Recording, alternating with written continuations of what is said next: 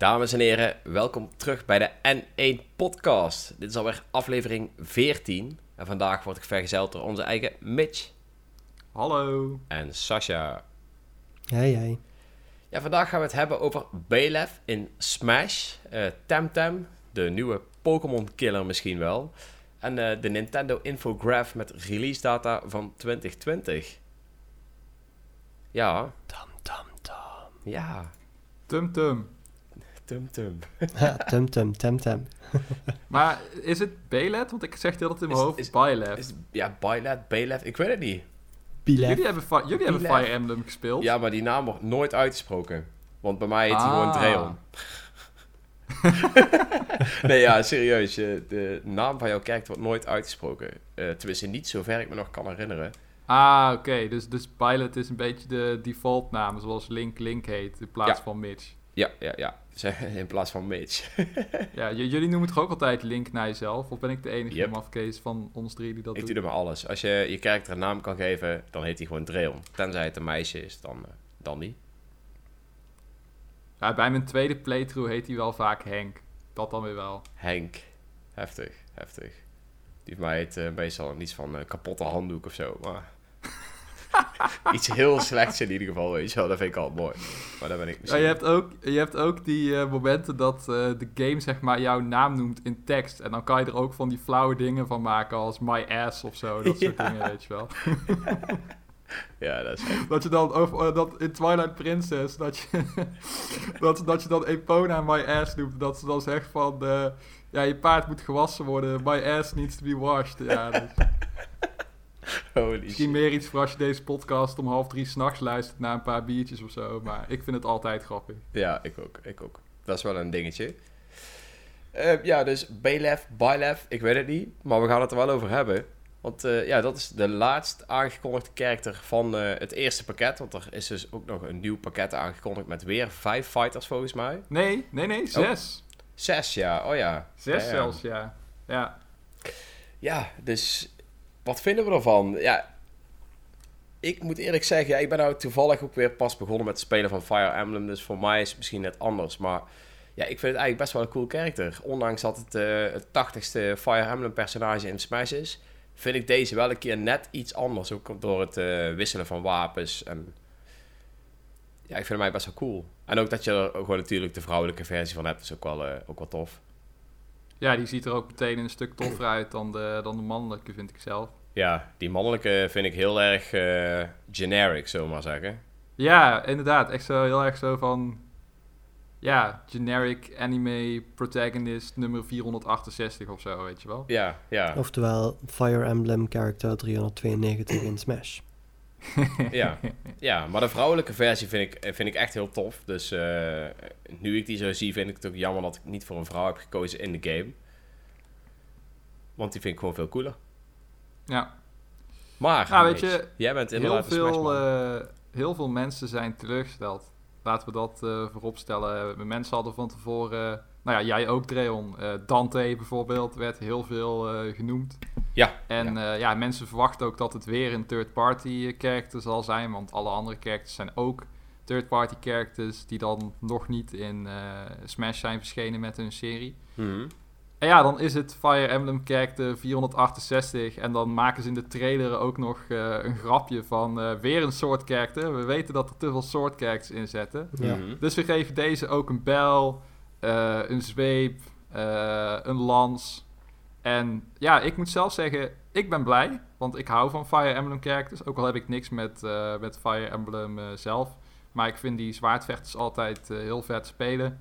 Oké. Eh, dat weet iedereen natuurlijk die tegen mij ooit een potje Smash heeft eh, gespeeld. Want dan pak ik meteen Lucina en dan ram ik je de afgrond in. Ja, daarom speel ik maar- meer met jou.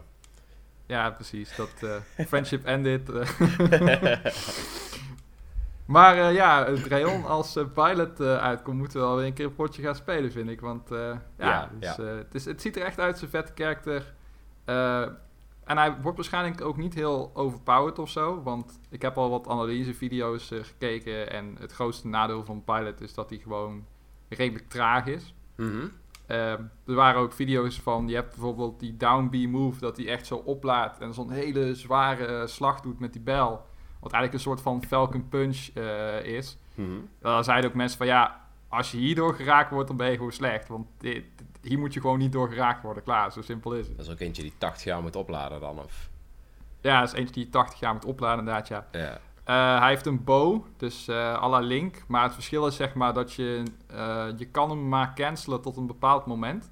Ja. Dus als je ver, lang genoeg die knop inhoudt, dan commit je ook echt tot schieten. Nou ja, je kan je voorstellen, als je dan een Fox tegenover je hebt met een reflector of zo, dan ben je de Sjaak. Dus het zijn allemaal, het zijn vette dingen, maar ze hebben ook wel duidelijke, duidelijke nadelen. Moves met enorme range die heel traag zijn, eh, projectiles die... Of ja, eh, een, nee, eh, die recovery is ook interessant. Dat hij die zweep gooit en dan iemand mee naar beneden trekt. Maar ook weer heel traag en voorspelbaar. Dus ja, ik weet niet of het een hele super goede karakter gaat worden. Maar het gaat wel een hele leuke karakter worden, denk ik. Juist door die variatie in, eh, in wapens. eh, waardoor het niet zomaar weer een sword fighter is. En ja, dat het dan toevallig weer een Fire Emblem karakter is, is jammer. Ik snap die teleurstelling. Maar tegelijkertijd zeg ik, kijk vooral naar hoe de karakter gaat spelen. En dat vind ik uiteindelijk toch belangrijker dan, eh, dan welke karakter erin zit. Ja, kijk, ehm, ik heb toen, ik heb, ik weet niet meer of dat eh, in de chat was waar wij met redelijk wat N1 mensen in zitten, maar ik heb toen ook best wel wat gelezen over dat er geruchten gaan dat er eigenlijk een ander character in development was die waarschijnlijk nog niet ver genoeg was. Eh, dus is deze het geworden? Ja, wie weet. Oh, ja. Wie weet. Ehm, ja. Ik hoop eigenlijk stiekem nog wel op een paar echte verrassingen. Ik vind Bailet vind ik qua karakter heel gaaf, maar ehm, ik denk dat ze die beter niet als het zesde karakter hadden kunnen doen. Of vijfde, weet ik veel hoeveel ze dit nou is. In ieder geval de laatste van de DLC. Als er eentje Dat was geweest die Ja, ja, tussendoor was maar- geweest, dan was die denk ik Ja. beter ontvangen dan, eh, dan nu. Stel je voor dat Banjo de laatste was geweest, dan was dat een echte knaller, Ja. zeg maar. En dat is een beetje het ding Ja. nu. Nee, daar, daar, eh, daar twijfel ik niet over, Dreon. En dat eh, argument heb ik zelf ook al voorbij horen komen. Maar Maar, dat is gedacht vanuit eh, de fans. En Nintendo is natuurlijk een bedrijf en denkt vooral vanuit het financiële plaatje. Dus wat is het logischste moment om de meest teleurstellende karakter aan te kondigen? ja, als jij Als nog... allerlaatste, omdat Ja. mensen dan die DLC-pass toch al gekocht hebben. En welke karakter moet juist zo vet en verrassend mogelijk zijn? Ja, de eerstvolgende. De eerstvolgende, precies, want dan gaan mensen die nieuwe DLC-pass weer, eh, weer kopen. Dus ja, dat doen ze gewoon heel slim. En het zou mij niks verbazen als de volgende inderdaad eh, Dante of, of Travis Touchdown is. Of echt iets heel, eh, heel lijps. Mhm. En dat mensen dan massaal weer gaan eh, juichen en klappen. En eh, ja, gewoon meteen weer die pas. ja. Ja. precies. Gewoon meteen weer die pas aanschaffen, hoppatee. En dan zal de laatste karakter van DLC eh, Pack eh, 2... zal waarschijnlijk ook weer een first-party Nintendo character of, of Fire Emblem. zijn. Ja, of misschien dat ze, dat ze Waluigi eindelijk toevoegen. Gewoon zodat al die mensen eindelijk eens hun mond houden. Van hier hebben jullie Waluigi. En nou nooit meer iets vragen aan mij. Of het wordt gewoon... eh, want je hebt heel veel Fire Emblem characters, maar je hebt ook heel veel Pokémon. Het kan natuurlijk ook eindigen met nog een Pokémon. Oh Dat god, als ze dat vuurkonijn toevoegen. Ik zweer het, jongen. Dat zou zomaar kunnen, ja. Uh, Ja, en als Smash Move gaat hij dan op een hele grote vuurbol staan. Nee, hij, gaat, eh, hij gebruikt zijn kick attack, maar je ziet hem die animatie niet uitvoeren. Dat ja, gaat hij sowieso doen. ja. Dus, eh, hij, heeft een, hij heeft een trapaanval en die heet Headbutt in de manual. ja. Oh man. Net zoals in de game. Good humor, good humor. Ik Nou, hebben wij hier toch al over? Pokémon hebben. Ja. Hè? Ja, nu we het toch over Pokémon hebben, gaan we het Want ezelbruggetje eh maken. Sasha is niet echt een Smash-speler volgens mij. Nou, ik heb Smash wel gehaald. Ik heb er ook heel erg veel naar uitgekeken. Ehm, ik heb er ook echt eh, heel veel zitten spelen in het begin. Vooral de campaign. Of ja, campaign in hoeverre je de campaign kunt noemen. Mhm. Ehm, maar eh, ja, ik speel het niet echt veel in, in mijn eentje, zeg maar. Het is een game die ik leuk vind om te spelen als eh, vrienden op bezoek zijn of zo. Maar ik speel niet online of, ja, of iets precies. Je speelt dergelijks. niet online of zo. Nou, Nee. Same meer. Meer. Ik speel ook Maar- echt alleen met mijn vrienden.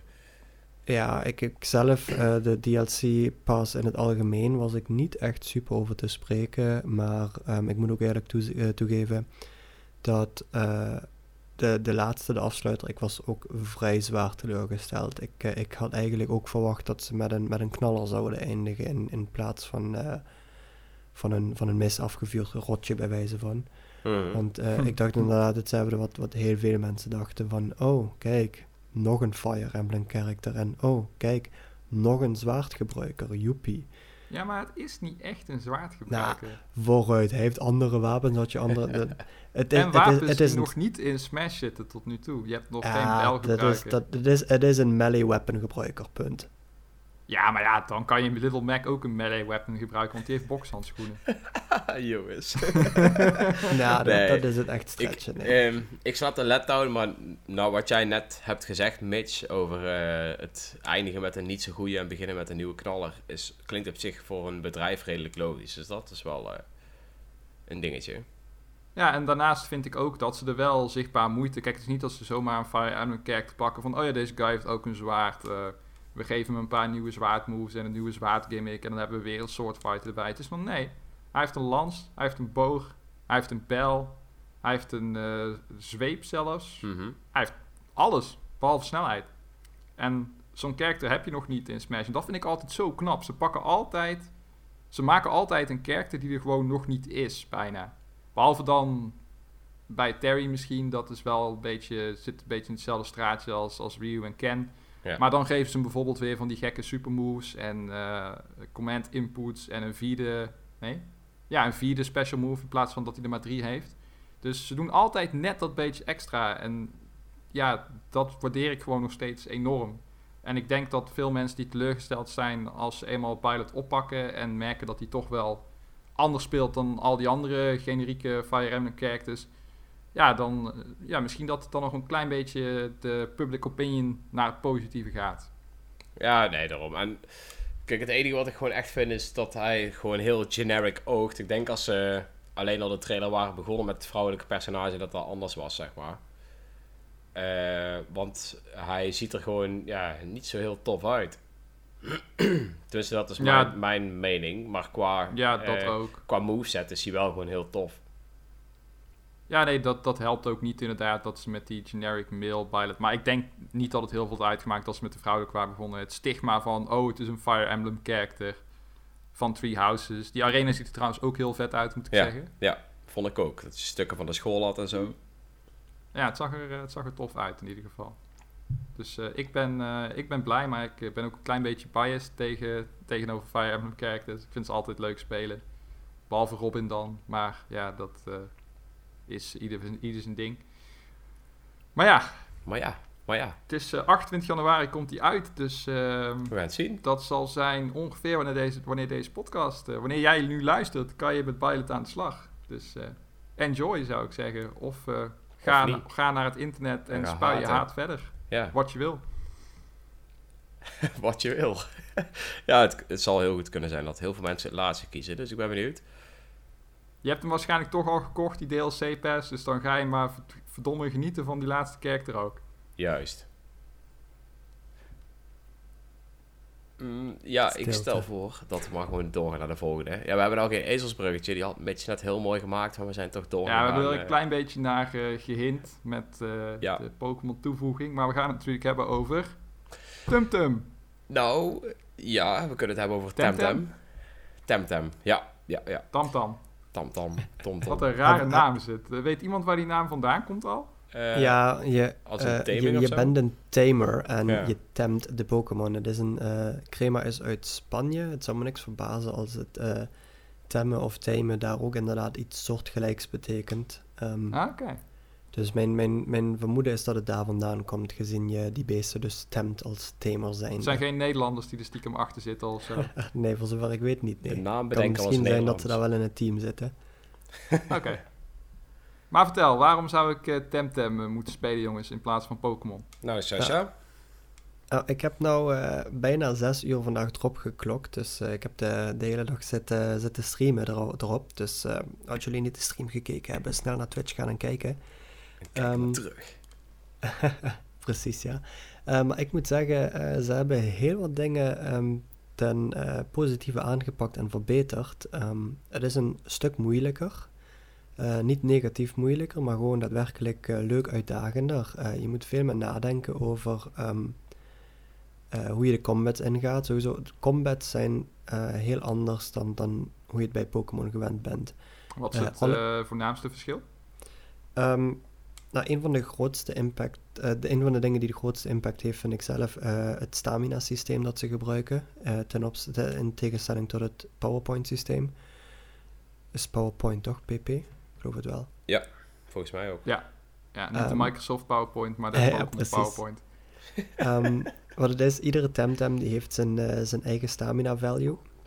En afhankelijk van je eh, SV's en TV's, oftewel de EV's en eh, IV's van Temtem, eh, kan je stamina dus ook hoger of lager zijn. Ehm, Mhm. Maar je hebt bijvoorbeeld eh, een, een Temtem Swali en die heeft eh, 21 stamina. Eh, zijn sterkste aanval die kost 11 stamina bijvoorbeeld. Dus je kunt die aanval gebruiken. Vervolgens heb je nog maar 10 stamina over. En ehm, dan kun je dus een zwakkere aanval gebruiken. Of nog eens die 11 stamina gebruiken en jezelf damage doen. Omdat je jezelf verder pusht als het ware. Mm, Uh, dus je, gaat heel, je, je gaat heel anders met je, met je aanvallen om. Het is niet je spamt gewoon je sterkste aanval en je bent klaar. GG, ga maar naar huis. Nee, je moet daadwerkelijk nadenken welke aanval ga ik nou gebruiken. Ga ik nu mijn Temtem swappen of ga ik hem laten resten? Want je kunt eh, ook tegen een Temtem zeggen eh, wait. Eh, wat hij dan Mhm. doet is hij doet een beurt gewoon niets en eh restoort meer stamina dan dat hij normaal zou restoren. Ah ja, ja. Ehm, verder heb je eh, synergies. Dus als jij eh, een Temtem hebt die een specifieke aanval heeft, eh, dan kan die aanval bijvoorbeeld zeggen: wanneer jij deze aanval doet terwijl jouw andere Temtem in combat een toxic type is, dan gebeuren deze extra effecten. Ah ja. Ehm, ja, dus ja, ja. je krijgt daadwerkelijk dat, dat je ook gaat nadenken van, hm, ik ga nu deze Temtem gebruiken, dus ik wil nu deze synergy gaan gebruiken. Dus daar moet je ook weer over nadenken. Mhm. En je vergeet dan het belangrijkste, is dat eigenlijk iedere battle zich afspeelt met twee Temtem in plaats Ja. van één. Iedere battle is by default of 2 tegen 2 of 2 tegen 1. Maar hoe dan ook, jij hebt altijd twee Temtem standaard in het spel zitten. Oké, oké. Het Dus- doet een beetje denken aan bijna aan een soort van trading card game met die synergies en die eh, ja, dat je ook een beurt kan overslaan eh, en niets doen om te restoren. Dat doet me dan weer denken aan andere Japanse RPG's. Volgens mij had je dat ook in eh Chrono Cross, dacht ik. Maar het klinkt, eh, het klinkt wel tof inderdaad, ja. Een stuk, eh, ja, een stuk, een stuk interessanter dan het beetje basale, inderdaad, of gebruik je sterkste move of status iemand. Ja. En dat is het wel zo'n beetje. Ja, je hebt ook nog van die contextafhankelijke moves en substitutes en protects en zo. Maar veel Mhm. dieper dan dat gaat het uiteindelijk niet. Dat, soort moves heb je ook in Temtem zitten. Ehm, je hebt eh, sowieso ook weet je, moves die zeggen van ehm bamboezel bijvoorbeeld. Eh, als je bamboezel gebruikt, de eerstvolgende aanval die op jou ge- gebruikt wordt, die, eh, die raakt gewoon niet door bamboezel. Ehm, verder heb je meerdere eh status effecten, zoals bijvoorbeeld Exhaust en Invigorate. Exhaust zorgt ervoor dat eh, al je moves dubbel stamina kosten. Invigorate zorgt ervoor dat al je moves eh, maar de helft aan stamina kosten. Oké. Eh, wat ook een grote toevoeging en verandering is, is bijvoorbeeld dat je twee status effecten tegelijkertijd actief kunt hebben. Oké. Dus je kunt iemand sleepen en poisonen. Het is wel zo dat als de enemy aan het slapen is en je valt hem aan, dan wordt hij meteen weer wakker. Tenzij je een specifieke trade op je Temtem hebt, die juist zegt van, jij kunt slapende enemies aanvallen zonder dat ze wakker worden. Ah, ja. Ja, ja, ja, ja. Het level systeem hebben ze ook anders gedaan. Ehm, het is niet zo dat je Temtem een vast level heeft waarop die eh, evolueert. Eh, maar het is eerder hoeveel levels die bij jou is geweest. Eh, om weer Swali als voorbeeld te pakken, ehm, die zegt specifiek: deze Temtem moet 8 levels omhoog gegaan zijn. Dus dat betekent niet dat hij level 8 moet zijn. Nee, dat betekent als je hem op level 3 vangt, moet die level a- 11 zijn om te levelen. Als je hem op level 10 vangt, moet die level 18 zijn om te evolueren. Dat vind ik wel heel Oké. tof. Vind ik serieus Dus- echt heel tof. Het, het zorgt er wel voor dat je inderdaad eh, dat je een, een Temtem snel geëvolueerd wilt hebben, dat je er meer baat bij hebt om een laag level variant daarvan te gaan halen dan een hoog level variant daarvan te gaan halen. Mhm. Eh, verder, ehm, een andere grote verandering is hoe het breeden werkt. Eh, ik ben er zelf nog niet aan toegekomen, maar eh, heb wel het een en ander over gelezen.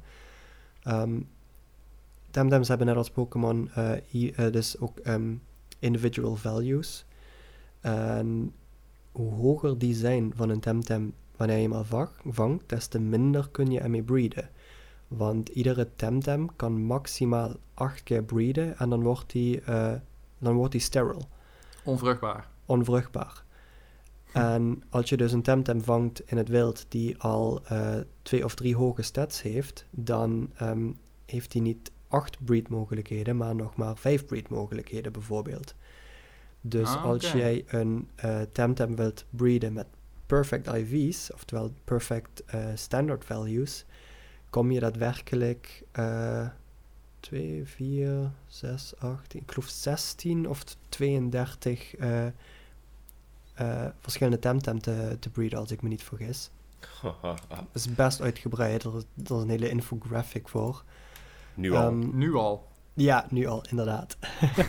het spel is nog niet eens officieel uit, of wel? Eh, het is vier dagen in early access nou op dit moment van spreken. En er zijn nu al grass voor het breeden. Oh, internet, never Yep. change. Never change.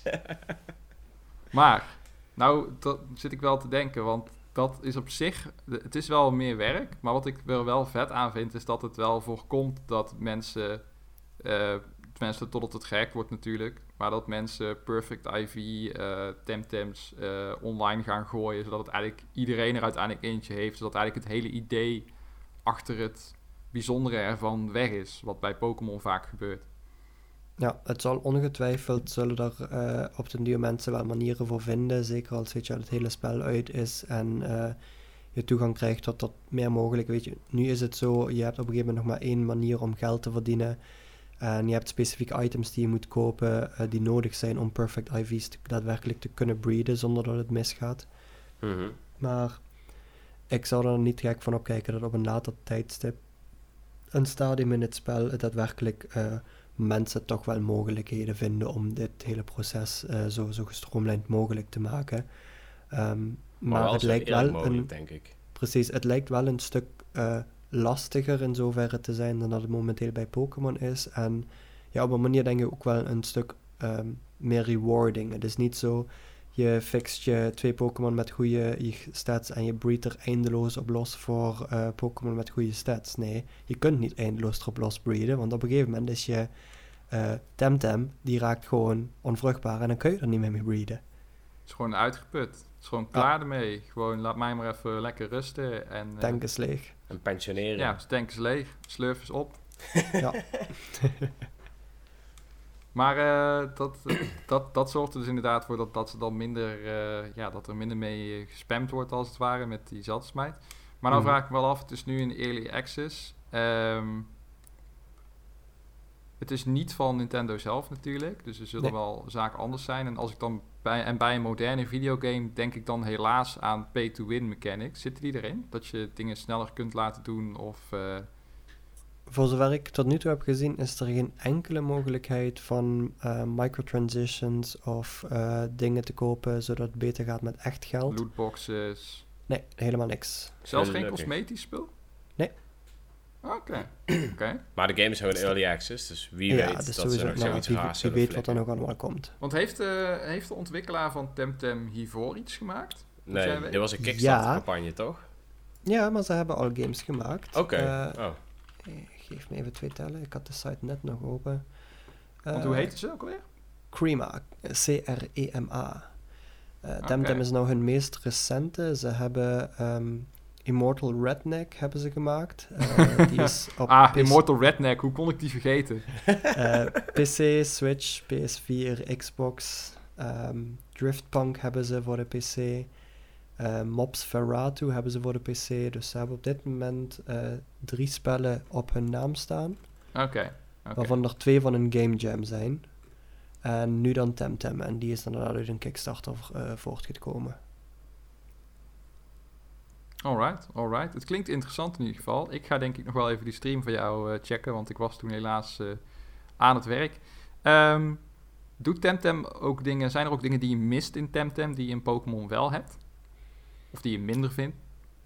Op dit moment heel lastig om te zeggen. Ehm, en zoals gezegd, ik ben nog eh, door de content die er op dit moment is, ben ik nog niet heen. Ehm, en het is natuurlijk nog steeds early access. Er zijn heel wat gebouwen nu al. Dat staat, dat vind ik trouwens heel leuk gedaan. dan heb je een gebouw en dan staat dan een bordje aan de buitenkant met WIP erop. En als je dat leest, dan staat er nog this zone is currently, of this content is currently work in progress. Dus de dingen zijn er wel en ze teasen er ook al een klein beetje mee, maar ze laten je wel weten, je kunt hier nog niet naar binnen, want uh, je bent nog, nog mee bezig. Maar goed, het is lastig om, om nu daarover uitspraak te maken, omdat je niet weet wat er dadelijk nog allemaal in komt. Ik zie bijvoorbeeld, mm er is één knopje uh, dat zegt mount, maar dat kan ik nu nog niet selecteren. Dus er zitten mounts in, waardoor je dus sneller je door de wereld van Temtem kunt verplaatsen. Um, maar zo 1, 2, 3 zou ik even niet zo heel snel kunnen zeggen wat ik zou zeggen, dit mis ik specifiek. Um, dus nee, er zijn wel een heleboel dingen waarvan ik juist zeg van, uh, hey Pokémon, dit, dit hadden jullie kunnen doen en dit hadden jullie inderdaad uh, allemaal heel mooi kunnen implementeren. En hier is nou deze onbekende indie developer die een spel heeft neergezet dat uh, nog wel eens een behoorlijk goede rivaal voor jullie kan worden. Ja, want je moet je wel natuurlijk bedenken als we het hebben over het, uh, de potentie van Temtem. Temtem is natuurlijk niet gebonden aan een uh, Nintendo-platform. Nee. Dus die kan gewoon voor Steam gelanceerd worden. Misschien later ook voor PlayStation en Xbox. Misschien later ook zelfs voor de Nintendo Switch. Oh, daar komt hij. is die al aangekondigd? Hij is, ja, oh ja, die was, oh ja, hij was aangekondigd, hè? klopt. Voor de PC komt hij sowieso. um, en voor de PS4, de Xbox en de Switch is die ook al bevestigd. Uh, als je nu al in Temtem zit en je sluit een controller aan, dan kun je de controller layout ook al kiezen. En kun je zeggen, ik wil een Xbox, Switch of uh, PS4 controller layout gebruiken. Ja, dan heb je in potentie best wel een grote, uh, grote userbase al natuurlijk. Ja, zeker als ze het cross-platform gaan doen. En mensen, het is ook best wel goede timing, want mensen zijn net een beetje, hè, hebben Pokémon een beetje gezien. Als ze hem in uh, ja, december of zo gekocht hebben, dan is hij nu ongeveer een beetje uitgespeeld. En ligt die stof te happen. Nou, sterker nog... tot de ehm, DLC komt. Pokémon heeft de DLC nou pas geleden aangekondigd, waardoor Pokémon juist heel erg veel in het nieuws zit. Uh, maar Temtem, uh, zeg maar, Crema uh, neemt geen blad voor de mond. Die hebben gewoon daadwerkelijk op hun site en in al hun promotie ook gewoon keihard staan. Dit spel is geïnspireerd door Pokémon. Dus wanneer je Pokémon zoekt, en gezien de grote hype rondom Pokémon en Temtem, is er een best wel grote kans dat je Pokémon zoekt en Temtem voor je neus gaat krijgen nou. Dus uh, ze, ze hiken, ze, ze liften ook daadwerkelijk gewoon keihard mee op de, uh, ja, de aandacht die Pokémon voor zichzelf uh, nou heeft gegenereerd met die, met die season passes. Dus het is inderdaad wat dat betreft betere timing hadden ze waarschijnlijk niet kunnen bedenken. Ja, ja, inderdaad, want ze komen een beetje, ja, ze zitten nu echt een beetje tussen die twee Pokémon giganten in met het origineel en de DLC. En ja, de DLC kunnen mensen toch nog niet spelen, dus dan ja, misschien dat ze dan wel overgaan. Of in ieder geval Temtem proberen. Want is het ook, uh, is het ook free to start? Of moet je wel geld betalen om de game te kopen, zeg je maar? Je koopt de game nu gewoon in early access. Ja. Dat is wat je doet. En dan, kijk, de, de game gaat dadelijk waarschijnlijk 45 of 60 euro kosten. En nu kost die uit mijn hoofd, was het niet uh, eh, 39 euro of zo? Ja, 30 of 35 geloof ik. Ja, in ieder geval, nu kost hij iets minder. Dat ja, dat is dan het voordeel. Dat je hem nu koopt, heb je hem goedkoper. Zit je nog wel in een alpha fase.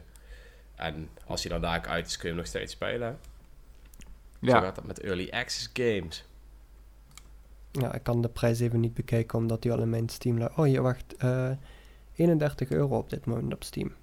Ah, 31. Kijk, ik wist wel dat het een aparte prijs was. Uh, ja, dat is bijna net zo duur als uh, de Pokémon DLC, zo'n beetje.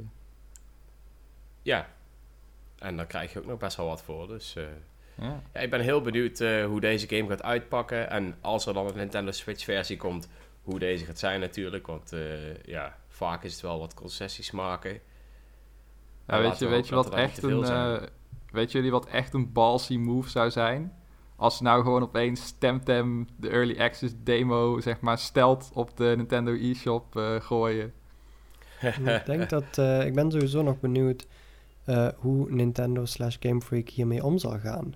Ja. Um, want ja. ook als je, als je de stream bekijkt en weet je, uh, ziet hoe het allemaal zit, uh, de overeenkomsten zijn echt niet te negeren. Ze zijn echt overduidelijk aanwezig. En ik weet niet in hoeverre um, Game Freak of Nintendo copyright heeft op ehm, bepaalde uh, indelingen en dat soort zaken. In hoeverre een spel op het spel mag lijken voordat ze zeg maar kunnen aanklagen. Want tot nu toe is er nog helemaal geen nieuws of wat dan ook gekomen. Dus ik weet niet of ze het nu nog aan het afwachten zijn, hoe succesvol het is. Ik denk dat, Nintendo het vooral nu uh, zo weinig mogelijk aandacht wil uh, geven. Ja, slechte aandacht is ook uh, aandacht, hè? Ja, precies. Ik denk, dat ze pas gaan, ik denk dat ze pas gaan, pas echt gaan ingrijpen als, als het een dreiging dreigt te worden voor Pokémon. Ik denk dat ze nu zoiets hebben van, oh ja, dat, dat zien we wel en dat, dat, dat wappert misschien wel, hè? dat dooft misschien wel langzaam uit. Maar ik denk dat zodra het echt groot gaat worden, dat je wel wat van, of groot dreigt te worden, laat ik het zo zeggen, want ze willen dat denk ik wel ook voor zijn. En het is nu nog early access, dus misschien als die game daadwerkelijk uitkomt en dan ook uh, een goede start heeft, dat Nintendo dan wel van zich laat, uh, laat horen. Mhm.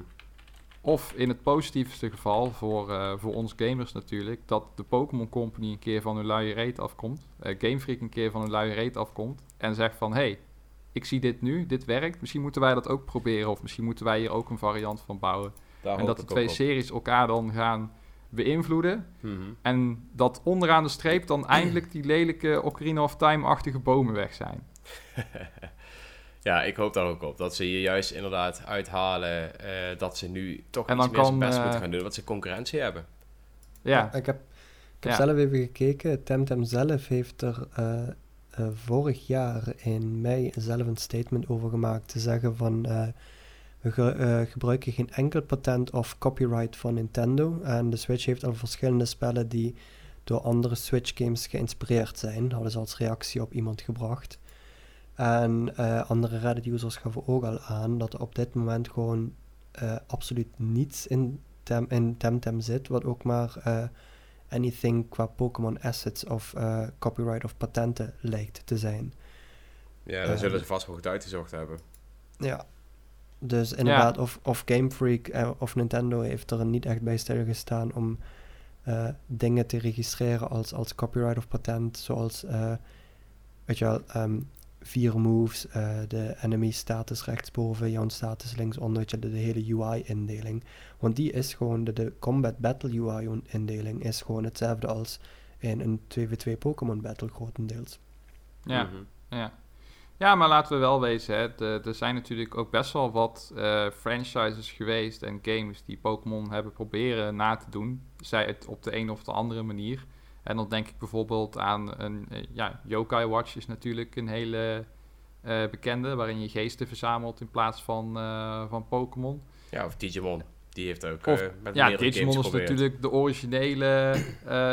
ja, ik weet, ik, weet, ik weet nog steeds niet tot de dag van vandaag of je het nou echt een kloon kan noemen, maar het is wel vrij nee. toevallig na elkaar gelanceerd, nee, zeg maar. Absoluut of in buurt, niet. In de buurt van elkaar gelanceerd. Nee. nee. Ja, je, het ja, grote nee. verschil tussen uh, Digimon en Pokémon is... Um, Digimon is daadwerkelijk gebaseerd aan uh, een rip-off geweest van de Tamagotchi. Uh, ja. Het was vlak nadat de Tamagotchi uit was gekomen, heeft het bedrijf achter Digimon heeft de Digimon uitgebracht. Wat dus eigenlijk gewoon een, een Tamagotchi rip-off was, waar je één monster had, een Digimon, die uit een ei groeide en die je vervolgens ja, liet opgroeien. En daarna is dan een manga one-shot uitgekomen. En uh, daarna is een uh, daadwerkelijk een fighting game voor de PC voor Windows 95 uitgekomen. En rond diezelfde tijd ongeveer in 99, als ik me niet vergis, is de serie Digimon begonnen. Maar de, um, de essentie van Digimon en Pokémon is eigenlijk sowieso heel verschillend. Want in Digimon is het niet zo dat je uh, Digimon ja, verzamelt en zo. Je hebt gewoon één vaste partner. Ja. En met die partner ben je niet zeg maar aan het vechten, aan het trainen voor, voor glorie of, of groei of zo. Nee, je bent aan het vechten omdat je zeg maar mensen redt en je uh, zeg maar andere uh, werelden wilt redden. Het is zeg maar een volledig andere premise. En dus ook het, het, enige overeenkomst echt tussen die twee, tussen Digimon en Pokémon is eigenlijk, daar zitten kinderen in en daar zitten monsters in. Dat is die echt de enige overeenkomst ja, die evolueren in, de, in sterkere vormen. Ja, dat zeker. Ja, dat, ja, dat klopt. Daar heb je eigenlijk wel gelijk in. Het is niet een, uh, ja, een makkelijk uh, of zo. Maar het, het vist wel uit dezelfde vijver, zeg maar. Qua ja, ja, ja. appeal en qua mindshare. En ik denk ook niet dat het toeval is dat toen, zeg maar, de Pokémon anime een, een, een succes bleek te worden dat volgens mij die producenten er toen in het Westen als kip bij waren om Digimon ook te kopen. En want dat werd volgens mij niet zo heel lang daarna uitgezonden. Ik denk hooguit een jaar of twee jaar daarna of zo, dat dat daarna op de, op de tv kwam, hier in Nederland. En dat is ook pas een jaar na, later uitgekomen. Ja, ja, ja. Ja, en ja, uh, je had zelfs volgens mij op de DS had je nog een of andere gare archeologie game met een archeologie gimmick. Mm dat je, ik weet niet eens hoe die game oh. heet, maar ik weet dat het ooit een keer in de Endgamer stond als uh, mogelijke Pokémon killer. Ik ben ook aan het denken. Ik heb... Oh man, hoe heet die ook alweer? Dat is echt een uh, categorie uh, vergeten. Ja. Damn. Vergeten en nooit meer uh, naar boven gekomen. maar ja, zo heb je natuurlijk al meerdere games gehad. Er zijn ook meerdere die het geprobeerd hebben. Precies, de Stemtem is niet de eerste. Maar um, door het feit dat het nu op de PC, PlayStation, Xbox en Switch komt... denk ik wel dat het wel eens de eerste zou kunnen zijn... En ook omdat het er trouwens ook gewoon best wel goed en aantrekkelijk uitziet. Ik heb wat trailertjes uh, De hype is real. Ja, wie weet. wat zeggen jullie? Gaat uh, Temtem uh, in ieder geval een strijd voeren tegen Pokémon? Dat ze echt dat, dat, ze, dat Nintendo ze serieus gaat nemen als dreiging? Hmm, dat zeker. Want, kijk, ja. Oh, sorry. nou, ga, je, ja, ga je maar eerst. Ik, ik, denk van wel, want um, kijk, het grootste uh, wat deze game doet, is iets wat iedereen al super lang hoopt. En dat is een MMO. Kijk, uh, iedereen heeft altijd al Pokémon in elkaar willen spelen. Dat gaat nu ook wel een beetje. Kost je wel nog steeds heel veel moeite. En, en veel gevloek. En veel gevloek. En uh, ja, vroeger was het zelfs linkkabels en al dat gekloot, zullen we maar zeggen. Ja, en op de een of andere manier zijn we achteruit gegaan met linkcodes. Go figure. Ja, ja ook zoiets. En, en En, en uh, Temtem is gewoon een MMO. Iedere, of ja, ik weet natuurlijk niet in hoeveel, ja, hoeveel spelers je tegenkomt en zo. Maar je kan in, in principe kun je gewoon een hoop spelers tegenkomen. En daar kun je gewoon mee vechten. Uh, dat is iets wat iedereen altijd al heeft gehoopt van Pokémon. Wat ze op een of andere manier nooit doen. En ook nooit makkelijker maken met al dat gekloot met die codes. Uh, deze game gaat dat makkelijker maken. Dus ik zie alleen door dat zie ik al heel veel concurrentie. Ja, ik uh, sluit me daarbij uh, bij aan. Ik, uh, ik zie dit echt wel groot worden. En ik zie dit echt wel... ik denk dat, dat Game Freak hiervan wel uiteindelijk wel veel van gaat leren. Laten we dat hopen in ieder geval. Ik hoop het, ja. ja. Maar ik denk ook dat als um, Nintendo hier en of, en of Game Freak niet in staat is om hier een, een stokje voor te gaan steken, denk ik dat ze hier echt een, een behoorlijke concurrent zouden kunnen hebben. Ehm, het, is, gewoon een, een feit. Temtem doet heel veel dingen gewoon, gewoon beter dan uh, Pokémon op dit moment doet. En ze doen gewoon bepaalde dingen meer dan een Pokémon op dit moment doet. Je kunt inderdaad, als je rondloopt, je ziet vanaf het moment dat je, dat je uit je huisje komt, uh, zie je andere spelers rondlopen. Uh, ze maken denk ik gebruik van een soort sharding systeem, zoals dat uh, World of Warcraft dat ook doet. Uh, het is niet zo dat je alle spelers tegelijkertijd ziet, want dat zou gewoon echt overcrowded zijn. Hmm. Uh, je ziet gewoon een, een, selecte groep. Dat was een van de um, kijkers van de stream vandaag. die heeft tijdens het kijken van de stream had hij besloten, ik ga ook Temtem kopen. dus die heeft het toen gehaald en we hebben elkaar toegevoegd. En op een gegeven moment stonden we op dezelfde plek, maar we konden elkaar niet zien. Okay. Um, wat wel kan, uh, je kunt als je iemand uh, te vriend hebt, kun je co-op play beginnen. Uh, dus als je dan bij elkaar in de buurt staat, dan zeg je co-op play en als de andere dan accepteert, dan kom je in een party met elkaar te zitten. Dan zie je elkaar wel als je niet op dezelfde shard was. En wanneer je dan in een combat gaat, of het nou tegen andere spelers, NPC's of een wilde wild Temtem is, um, dan speel je met z'n tweeën, zit je in die combat. Jij stuurt Jan Pokémon in, hij stuurt, of Temtem, sorry. En uh, jouw co-partner stuurt zijn Temtem erin. dus je kunt daadwerkelijk met z'n tweeën rondlopen, met z'n tweeën, zeg maar, uh, wilde Temtem vangen. Want uh, wij zaten op een gegeven moment tegen een duo aan wilde Temtems te vechten. En hij smeet een van zijn kaarten en ving er, ving er eentje van. Dus je hebt daadwerkelijk een fatsoenlijke co-op play. En je hoeft niet met linkcodes te, te kutten of wat dan ook. Nee, je, je, klikt, je gewoon welke spelers om jou heen actief zijn. En je kunt ze meteen toevoegen als vriend. Je kunt meteen, eh, zonder ze toe te voegen, kun je ze aanklikken en een trade openen. Eh, je kunt ze een whisperberichtje sturen of je kunt ze uitnodigen om co-op play te gaan doen. En het werkt gewoon echt direct. Het is ja gewoon klik, klik, ik, ben, eh, ik ben verkocht. ik ben verkocht. Ik heb eh, alleen een, een, één probleem. Ik heb een laptop uit het jaar 465 voor Christus. Ehm, dus wanneer komt die game voor de Switch uit? Wanneer kunnen we hem allemaal Wanneer- gaan kopen en Game Freak de middelvinger geven? Wanneer moet jij een Geen- nieuwe laptop kopen? Dat is dus eigenlijk de vraag. direct. Sponsor mij, nieuwe laptop. Eh, Giro 555. ik maak wel een eh co.v aan of zo. Koffie? Iemand? Student? Hallo? Geld? Nee? Helaas. Ah, ik, heb- ik, heb mijn, ik heb mijn krekel-app momenteel niet bij de hand, sorry. Ja, maakt niet uit. Maakt niet uit. Ik onthoud het wel. Maar ja, eh, die, dat gaat dus voorlopig niet gebeuren, zoals jullie al horen. Dus wanneer komt die game uit, Sascha? Helaas, Of wat is de verwachting? 2021. Ja. Oké. Volgend jaar staat En, momenteel ja, op de planning. En dan is het nog maar de vraag hoe het precies gaat zijn met de Switch-versie. Want eerst moet deze game klaar zijn. En ik weet niet of, of die versies nu side-by-side worden gemaakt. Of dat ze zeggen, we maken eerst deze game af en dan gaan we ze porten. Ja, het is een relatief kleine studio volgens mij. Dus ik denk niet dat die side-by-side worden gemaakt. Nou, ja, tegenwoordig gebruiken ze vaak een engine die voor alles tegelijk te gebruiken is. Zoals bijvoorbeeld de Unity engine. Als je Ja, die scalable maakt. is. Hoppakee. Ehm, dus wie weet. Maar eh, ja. Ik weet ook niet of voor de PC-versie al een eh, verwachte release datum was. Even snel spieken. Ehm, kan het zo in de Nou, Dreon, dan kan jij alvast zien. het eh, bruggetje voorbereiden over verwachte release data. Ja, inderdaad. Over release data gesproken. Oh, Oeh. Oeh. Want ik ben me nu al uitgetemtemd. Getamtamd, getumtumd. En de grootste reden is omdat eh, raid battles nu gewoon totaal niet werken met andere spelers. En in Temtem gaat het allemaal. Boom. Ik ben ook zelfs uitgerate. over. Uitgeraid. Even zoeken naar de infographic. Want Nintendo heeft namelijk een infographic eh, online gezet. Met games die binnenkort uitkomen. Of die dit jaar uit moeten komen. Allemaal heel leuk en aardig. Maar eh, het is een karige infographic. Ja, Nou ja, ik het dat nieuws wil ik eh, niet was zeggen. ik best wel teleurgesteld. Het is een karige infographic qua first party releases. Ja, true. True. Want de third party ziet er voor mij een stuk interessanter uit. Ik zie een No More Heroes 3. Ik zie een Bravely Default 2. Hollow ik zie een Hollow Knight Silk Song.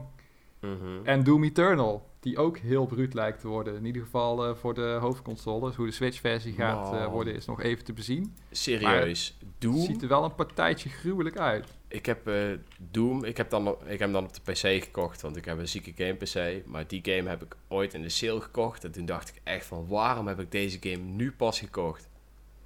Dat is echt, echt een hele vette game.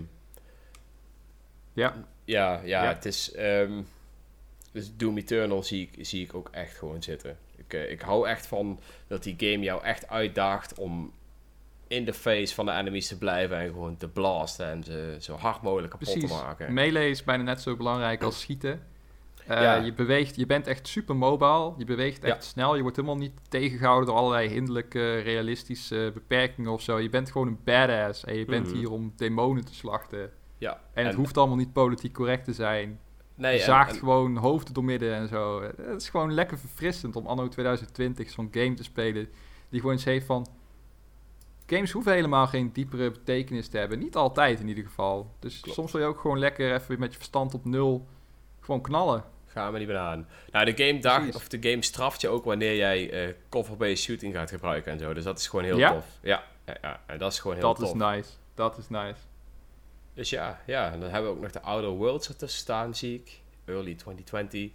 Minecraft Dungeons. Minecraft Dungeons. Dat is een game die ik stiekem ook nog wel heel interessant vind. Staat hier tussen? Oh ja, Ja. staat er tussen. Ja. April. Eh, ben ik stiekem ook wel heel benieuwd naar. Eh Ja. is toch de eerste game van Mojang die hopelijk toch net wat anders is. Het is wel Minecraft, maar eh, het concept is in ieder geval anders. Ja, Ja, dat vind ik wel een game waar ik een demo van nodig heb, denk ik. Om te kunnen kijken of het iets voor mij is. dat begrijp ik. Dat begrijp ik. Ik heb tot nu toe ook echt alleen maar de, de um, let's plays en filmpjes van, uh, gezien van mensen die het wel al te pakken hebben weten te krijgen. Wat volgens mij altijd uh, op, op uh, conventie, of conventies, con ja, conventies was. Maar het zag er op zich best wel geinig uit, moet ik zeggen. Je, je moet er wel een beetje tegen kunnen dat het in die, weet je wel, typische Minecraft-stijl is. Alles is blokken.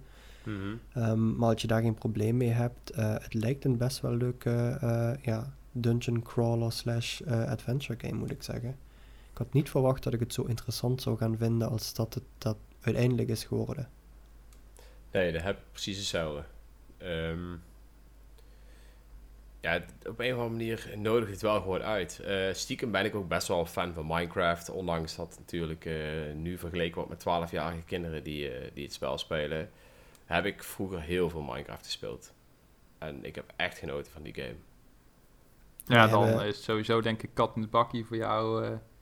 We, hebben de ieder jaar hebben we wel eens zo'n momentje dat we denken van, hm, laten we even opnieuw een Minecraft server op gaan zetten. Yep. En dan gaan er ook, weet je, een Feed the Beast of dergelijke dingen volledig kapot gemod. En dan, dan wordt er echt een tijdje volledig in geno-life. Dat is, eh, het is moeilijk uit je systeem te krijgen. Ja, en eh, de game nodigt ook echt wel uit om jouw creativiteit eh, op een beloop te laten gaan. Dus dat is Ja. wel, eh, wel tof. Ja, verder staat er nog tussen eh, Final Fantasy Crystal Chronicles. Die game vond ik op de Gamecube al super vet. Dus ik verwacht er ook nog wel heel veel van. Ik weet dat Paul er ook heel erg naar uitkijkt. Dus ik hoop dat we met meerdere personen kunnen gaan spelen.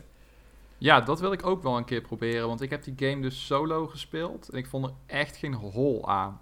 Nee, solo is de game ook niet leuk. Omdat jij een vond het bij echt hebt. zo verschrikkelijk saai. Ja, Ik moest de hele tijd een of andere koets vervoeren en tegen monsters vechten. Maar het vechtsysteem was echt heel basic en simpel. En ik ben er uiteindelijk maar mee gestopt. Na, wat zal het zijn, een uurtje of drie of zo. Dat ik dacht van, nee, dit eh, gaat hem niet worden voor mij. Nee, snap ik. Ik heb de game met vier personen gespeeld. Nee, drie personen gespeeld. Met mijn neefje en mijn broertje. We hadden allemaal zo'n Gamecube en zo'n Game Boy Advance ding. En een eigen Game Boy Advance. Dus dan is die game wel heel tof om te spelen. Maar ja, zag vroeger maar eens vier personen met al die troep bij elkaar te krijgen. Precies, dat was echt bijna een onmogelijke opgave gewoon. Dat, dat, dat je dat voor elkaar gekregen, dat, eh, dat is eh, chapeau.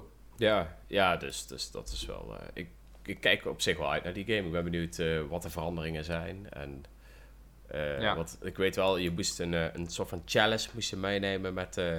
ja, waar, ze van die, waar van die druppeltjes in kwamen. Eh, en als je alleen speelde, werd hij door een Moogle eh geshout. En als je met meerdere man speelde, moest je hem zelf meenemen. En dan vond ik meteen eigenlijk de kutste mechanic die in de game zat. Omdat je dan één speler had die de hele tijd op dat ding moest letten. En dus ook Ja. minder kon vechten. Ja, Eh, dat dus is ik hoop- beetje... Eigenlijk dat ze nou gewoon zeggen van we sturen die Moogle gewoon altijd mee. Of we halen heel dat systeem eruit. Eh, wat ik niet verwacht, daar laatste. Maar ja, wie weet. En Hollow Knight Silksong, jongens. Oh, die game. Ja, Hollow. Knight Silksong wordt... Als, als Hollow Knight Silksong 2020 haalt, dan wordt het een van de beste games van 2020. Makkelijk. Ja. Misschien Ja. wel de beste. Als het ook maar een beetje lijkt op Hollow Knight 1. Dat ze echt weer dat kunnen evenaren. Want ja, Hollow. Knight Oh, vind man. ik gewoon een van de... Ik denk gewoon de beste indie game van het afgelopen decennium. Mhm. Eh, Zo'n beetje wel, denk ik. Misschien wel de beste indie game die ik ooit gespeeld heb. Ik vind het nog steeds ongelooflijk hoe een game gemaakt door basically twee mensen en een componist, Mhm. dat dat gewoon zo zo'n overtuigende wereld neerzet. Het is allemaal, het is groot, maar overal is iets te vinden, dus je verveelt je nooit. Het maakt eigenlijk niet uit waar je naartoe gaat. Je vindt altijd wel iets vets. Dus dat deed me heel erg denken aan Breath of the Wild. En ja, het, het is, het is gewoon een Metroidvania die gewoon, wat mij betreft, nog net een niveautje boven andere Metroidvania staat. Zelfs boven de eigen eh Metroid-spellen van, eh, van Nintendo. De Oh, 2D, ja, de 2D-spellen zeker. in ieder geval. Kijk, ehm, wat, wat deze game gewoon vooral heel goed deed, is eh, wat je bijvoorbeeld in Dark Souls ook terugziet in het eerste deel, is ehm, eh, de, wereld, de wereld was eigenlijk één grote open wereld met allemaal eigen stukjes, maar die waren wel allemaal heel goed aan elkaar gelinkt. Ja, Ehm, het is niet zo alsof jij zeg maar ergens een deur door ging en je komt opeens in een lava cave uit. Nee, daar ging heel geleidelijk kom jij op een stuk wat dan, eh, ja, wat dan weer dat thema heeft. als je naar, de, naar een stuk met bossen ging, dan ging je eerst naar een stukje grot waar iets meer bomen waren. Nog een keer. Ja, en dan had je ja opeens het, loopt bossen. heel, het floot heel En- mooi in elkaar, eh, in elkaar over. Ja, en en, het totaalplaatje is ook gewoon heel goed. Ja, zeker, zeker. Maar wat ik ook zelf heel vet vond, is dat je altijd eh, meerdere paden hebt om eh, op te gaan na een tijdje. Want eh, als Mhm. jij de, niet de double jump, maar de muursprong krijgt volgens mij, Ja. dan kan je in principe 75% van de game zien. Dus dan opent heel de map zich als het ware. En dan kan je gewoon opeens naar 10 verschillende plaatsen toe. Ja. En het maakt niet uit welke van die plaatsen je toe gaat. Je zult altijd iets vinden dat vet is of nuttig is. Of je vindt een nieuwe special move. Of je vindt een eh, upgrade voor je magic meter. Of je vindt een toffe charm die Ja. je weer andere eh, abilities geeft. Of je vindt eh, story-based content. Of je vindt een personage met een ontroerend of mooi verhaal. Zoals Mhm. dat een, eh, volgens mij was het een vrouwtje dat je zo'n bloem moest brengen naar het graf van zo'n Oh andere, Ja. andere, ander insect. Ja, op zulke momenten raakt die game je ook gewoon. En met, met, met die eh, schilderachtige graphics en die melancholische pianomuziek... die zo mooi subtiel op de achtergrond continu eh, loopt. Ja, is echt geweldig. Nu ik aan het Echt terugdenk, krijg ik gewoon alweer zin om die game te spelen. Zeker. En wat we, nog, nog een heel vet detail is... bijvoorbeeld je hebt ook bijvoorbeeld de City of Tears... en daar regent het continu. Ja. En op een gegeven moment denk je van... waar komt die regen vandaan? en dan Oh ja, kom je in dat gebied boven... de City of Tears. En dan blijkt daar gewoon een meer te zijn. Wat gewoon naar beneden toe drupt, als het ware. Denk ik van, oh ja, dat, dat maakt sens. Er is zo goed nagedacht over die wereld. En het geeft je continu een gevoel van ontdekking. Klopt, Ook wanneer ja. je bijvoorbeeld voor het eerst die tram ontdekt. Die ondergrondse, ondergrondse tram. En je opeens naar drie verschillende plaatsen kunt met zo'n, met zo'n keycard. Dat je denkt van, wow, hoe groot is deze wereld? Waar ben ik allemaal nog niet geweest? Wat kan ik allemaal nog vinden? Hoe sterk kan ik nog worden? Dat zijn continu...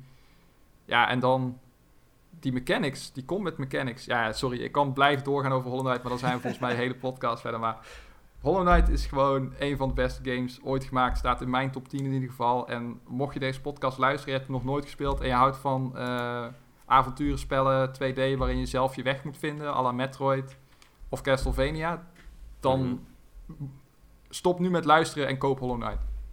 Ja. En luister daarna weer verder.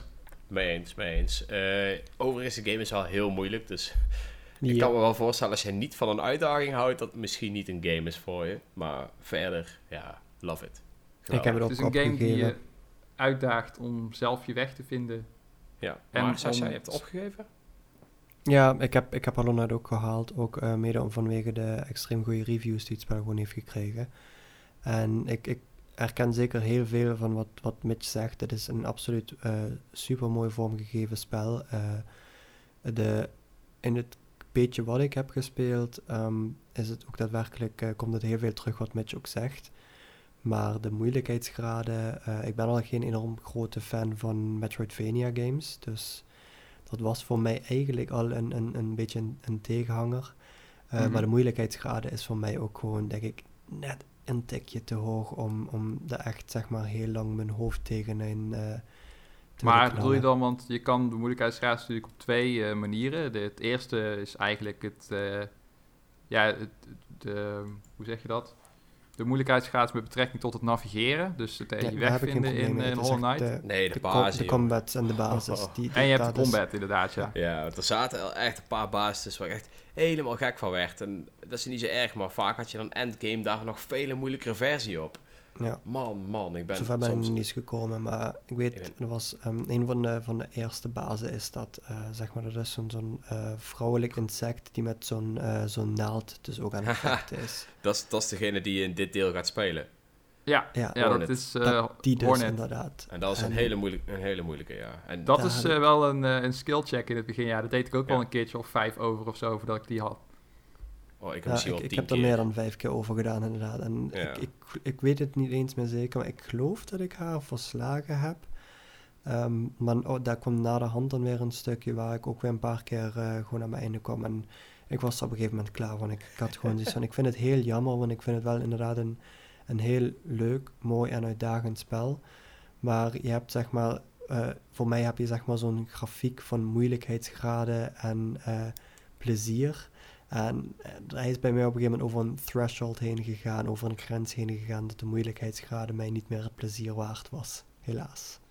Kan ik wel begrijpen hoor. Maar Ja, dat is, het, is zeker, het is zeker geen game voor, eh, voor iedereen. Maar als je het echt vet vindt, dan, dan ga je het ook echt, echt, Ja. echt Ja. vet vinden. Ja, En als je ja, ja. twijfelt en je ziet hem in de aanbieding staan, want hij is vaker ook in de aanbieding, ga hem zeker in de aanbieding halen als Metroidvania of uitdagende of gewoon heel mooi vormgegeven spellen interessant voor je zijn. Dan zeg ik absoluut, ondanks dat ik zelf daarmee gestopt ben, geef Hollow Knight een kans.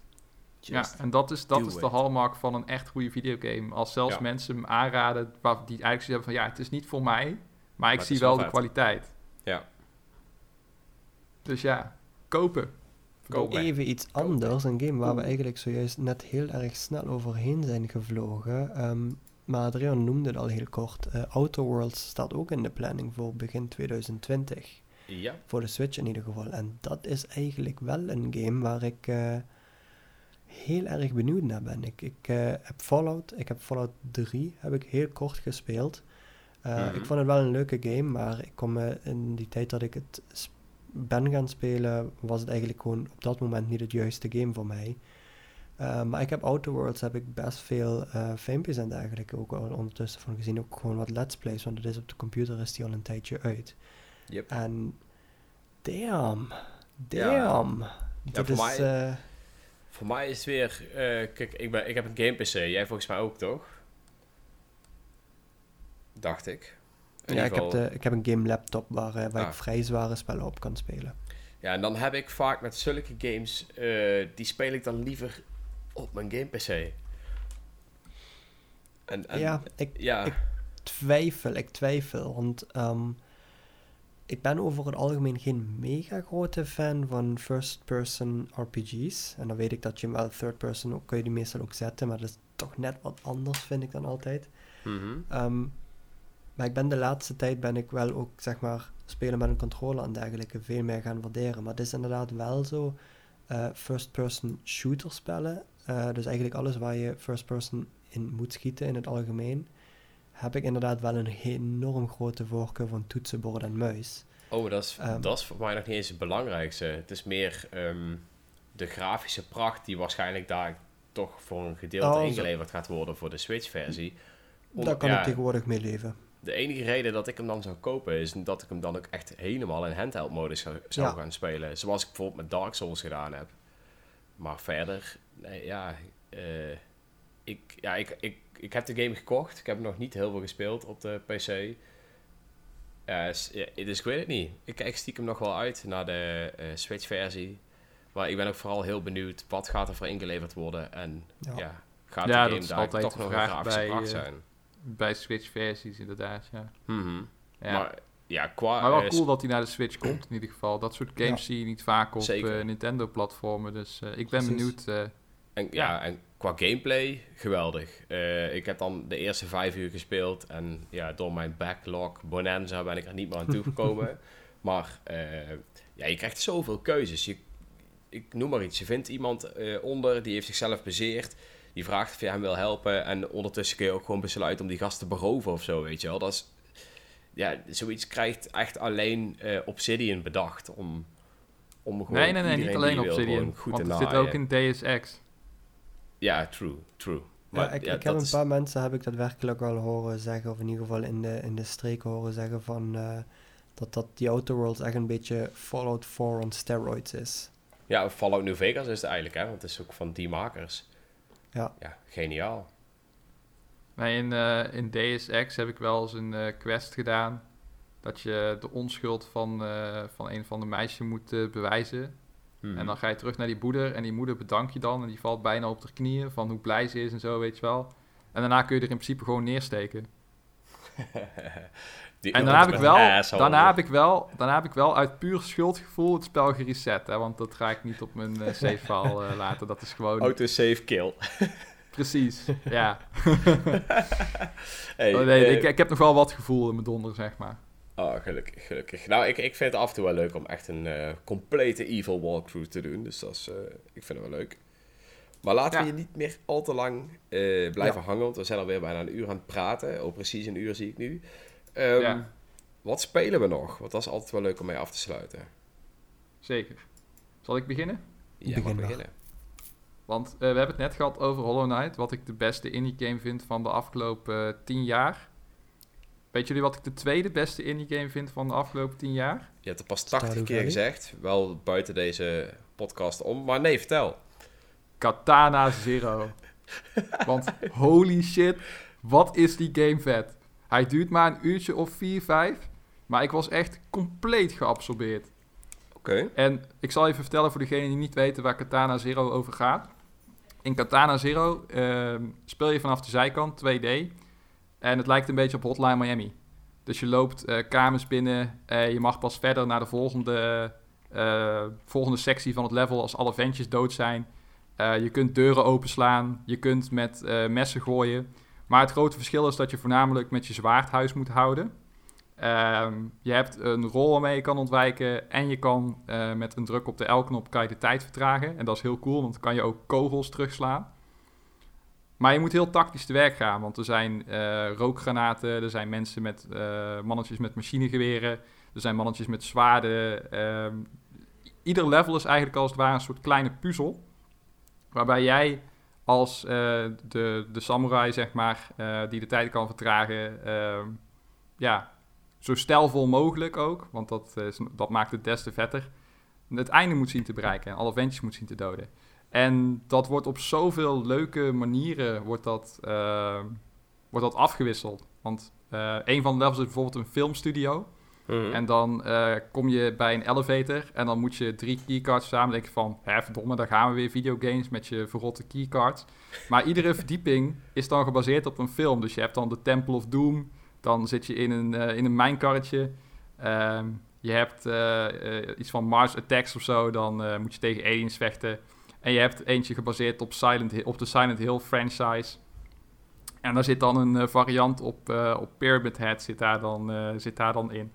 En ja, dat is, dat is allemaal heel vet, want die gameplay is super soepel. En super leuk.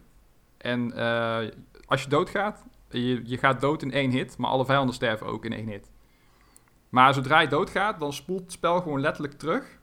En dan kan je het weer opnieuw proberen. Binnen echt één seconde of zo. Dus doodgaan is helemaal niet erg.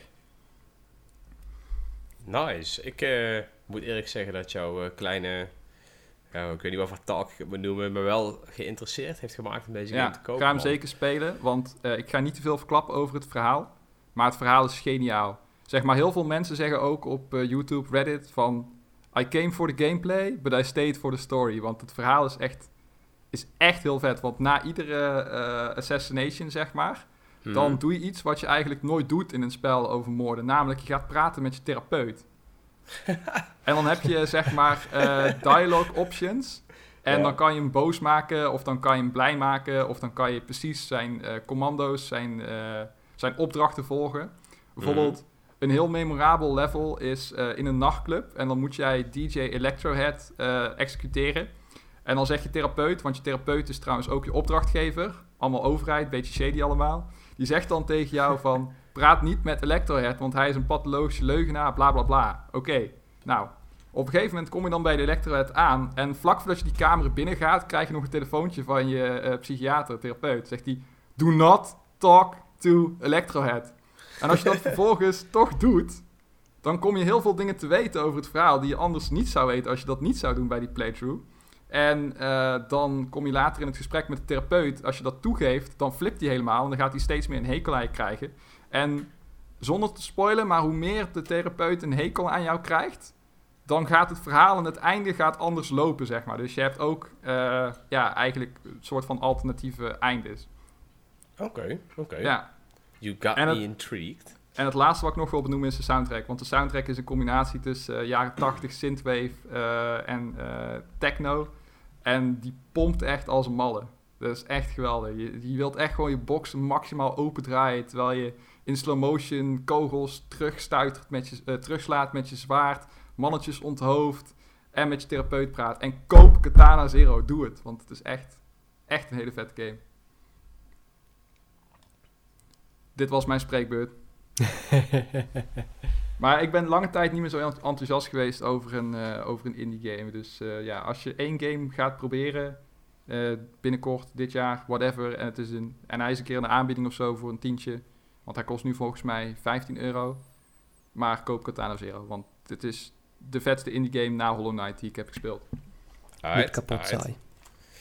Dus, Sascha, wat ben jij aan het Nou spelen? is jouw spreekbeurt, Sas. Nou ja, zeg maar, ik, ik zou nu nog een half uur kunnen doorlullen over Temtem, hoe ik dat eh, vandaag zes jaar heb lang zitten spelen. Dus op dit moment staat eh, sowieso nog Temtem bij mij op de lijst. Mhm. Eh, ik ben ook aan het overwegen om dadelijk misschien de stream nog even heel kort aan te zetten en toch nog even een beetje Temtem te gaan spelen. Ah, lekker. Ik ga sowieso kijken, man. Maar eh, los van Temtem ben ik op dit moment eh, nog steeds, volgens mij dat is de vorige podcast, nog steeds bezig met eh, Dragon Quest 11. En damn, dat spel is lang. Wauw. Ik denk dat je daar de komende vijf podcasts ook nog wel mee bezig bent.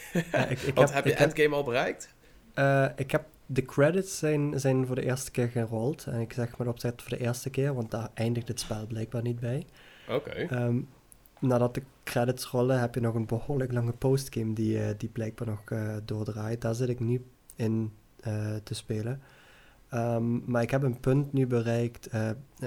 ik heb het tot nu toe altijd zeg maar, zo zitten spelen dat ik altijd mijn gear on, on, on, op peil had. Zeg maar. Ik zorgde dus altijd ervoor dat ik de beste gear had en die had ik eh, altijd tot een plus 2 minstens eh up, geupgrade. Ehm, en dat heeft me gewoon tot dit punt gebracht. Maar nu zijn de enemies gewoon dusdanig sterk geworden dat ik er niet meer tegenop kan. Dus ik moet nu daadwerkelijk eerst levels gaan grinden. Wil ik überhaupt verder kunnen spelen. Dat, dat is Dus- echt een dingetje. Ik hoop af en toe dat ze zoiets niet meer in RPG's doen, maar helaas. Ja, ik, ik, je zou denken dat, weet je wel, als je gewoon op een rustige, geleidelijke manier levelt zonder, weet je met opzet constant eh, enemies te gaan eh, bevechten, dat je Mhm. dan gewoon het eh, kunt doorspelen wanneer je je gear op peil houdt. Dat is hoe ik het tot nu toe heb zitten spelen. Maar ik moet nu daadwerkelijk actief monsters gaan bevechten en levels omhoog knallen, wil ik verder komen in de questline. Dus ik denk dat ik het een beetje leem ga doen en gewoon de, de power level manier van metal slimes ga vormen. Ja, ja, ja. Da- toevallig dat mijn, eh, mijn zwager er ook ooit over verteld heeft, ja.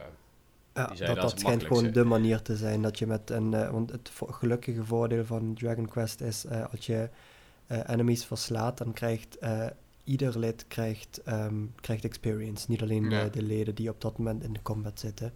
En je kan het en- battlesysteem ook op automatic zetten, toch? Ja, maar dat wil je niet doen als je tegen slimes gaat vechten. Want metal Oké. slimes, eh, metal slimes die, die vluchten heel snel. Ehm, ze krijgen ook alleen maar één damage, tenzij je een crit eh, op, ze, op ze uitvoert. Eh, maar ze geven wel gigantisch veel experience. En je hebt dan eh, een, een manier wat je eigenlijk gewoon doet als je gaat powerlevelen is... eh, je, zorgt ieder, je zorgt ervoor dat iedereen in pep komt, oftewel in trance heet dat bij Final Fantasy geloof ik. Ehm, dat ze speciale aanvallen kunnen doen. En als Ja, hier in Nederland heet het ook PEP. Eh, maar je zorgt dan basically ervoor dat drie specifieke eh, personages eh, in die pep powers terechtkomen. Dan kunnen ze een ability doen waardoor alles veel meer experience en loot geeft. Vervolgens moet je weer ervoor zorgen dat drie specifieke characters weer in pep power komen. En als je dan hun special ability doet, verander je de tegenstanders in metal slimes. En dan moet je zo snel mogelijk die metal slimes doodmaken, zodat ze niet allemaal vluchten. En dan kun je Oh, ja. gewoon makkelijk iets van, van acht levels tegelijkertijd in één combat krijgen. Dat is de manier van power level. Dus dat moet ik nou helaas doen, eh, wil, ik, eh, wil ik een beetje verder komen in het spel. Ja. Op zich niet zo heel erg. Ik heb er nu al 75 uur in steken en ik wil nu heel erg graag weten hoe de, de story eindigt. Ja, weet je wat er met Eh. zoiets is? En al helemaal met een Nintendo Switch. Je kan dit gewoon doen terwijl jij een serie op Netflix kijkt of zo. weet je. Op een gegeven moment op de automatische piloot. Eh, Ja. Dat is dan weer het voordeel met zulke RPG's. Ehm, ja, ik ben zelf ben ik nog momenteel bezig met Hero Land. Ehm, op zich ook wel een lijpe game. Ehm, ja, wat nog meer? Wat nog meer? Ja, Hero Land is trouwens inmiddels, die is al uit in Amerika, maar die is nog, eh, hier in Europa is die nog niet uit. Dus dat is wel ideaal in principe. Kan ik daarmee doen wat ik wil Even gaan heel, doen en wil eh, laten zien. Even heel kort, wat is Hero Land? Hero Land, dat is een, eh, oh dat heb ik natuurlijk helemaal niet verteld, maar dat is een RPG waarin jij een, ehm, hoe moet ik het zeggen, een, een begeleider speelt van mensen die in een pretpark zitten voor RPG's. Dus mensen komen in jouw pretpark om een RPG te spelen en jij begeleidt die RPG. Heel apart, Ah. maar wel super, eh, super leuk bedacht. Dus, Wel eh, een creatief plan, ja. ja, dus alle, idee. alle monsters en slechterikken zijn dus ook allemaal ingehuurde mensen die daar gewoon werken. Ehm, ja, die je dus te- ook nog tevreden moet zien te houden en zo. Dat is super grappig. eh daar ga ik Ja, daar... de- eh, Dus, dus in Heroland kan je eindelijk die vervelende guy eh, gewoon klappen verkopen die eh, je probeert te laten schrikken aan het einde van een spooklevel of zo. Ja, ja, ja. Dus ja, dat is wel super grappig. Ik, eh, ik, ja, ik ben benieuwd hoe dat hij natuurlijk verder is. De tekst dialogues zijn wel heel leuk bedacht. Het is een beetje net als in Paper Mario. Eh, heel flauwe humor. Ik, ik kan dat wel waarderen. Dus eh, ja. Het heeft Hele ook een hele, game. hele platte 2D-stijl, als ik het zo zie. Ja, ja, ja, ja, ja. En die is ook wel, ja, ze zijn ook wel heel leuk geanimeerd. Dus ja, ik ben benieuwd. Die- ik ik eh, ga waarschijnlijk volgende week, of ja, voor de luisteraars, deze week de eh, review uploaden. Aight. Aight. Aight. Nou, ik eh, zou zeggen, ik denk dat we hem hier ook maar gaan beëindigen. Jo. Ik wil eh, Ja. iedereen weer bedanken voor het luisteren. En ik wil Ja. jullie twee natuurlijk ook Nog weer even, bedanken. nog even, nee, Oh. nee, ik wil nog even één Ja. disclaimer doen. Ja, één disclaimer. Deze aflevering werd niet gesponsord door Temtem of Katana Zero. Nee, nee, nee. Zeker Dankjewel voor niet. het luisteren. hey jongens, ik wil jullie natuurlijk allemaal bedanken voor het aanwezig zijn en het luisteren. En wij zien jullie, of ja, jullie horen ons over twee weken weer. Later. Later. Hoi hoi.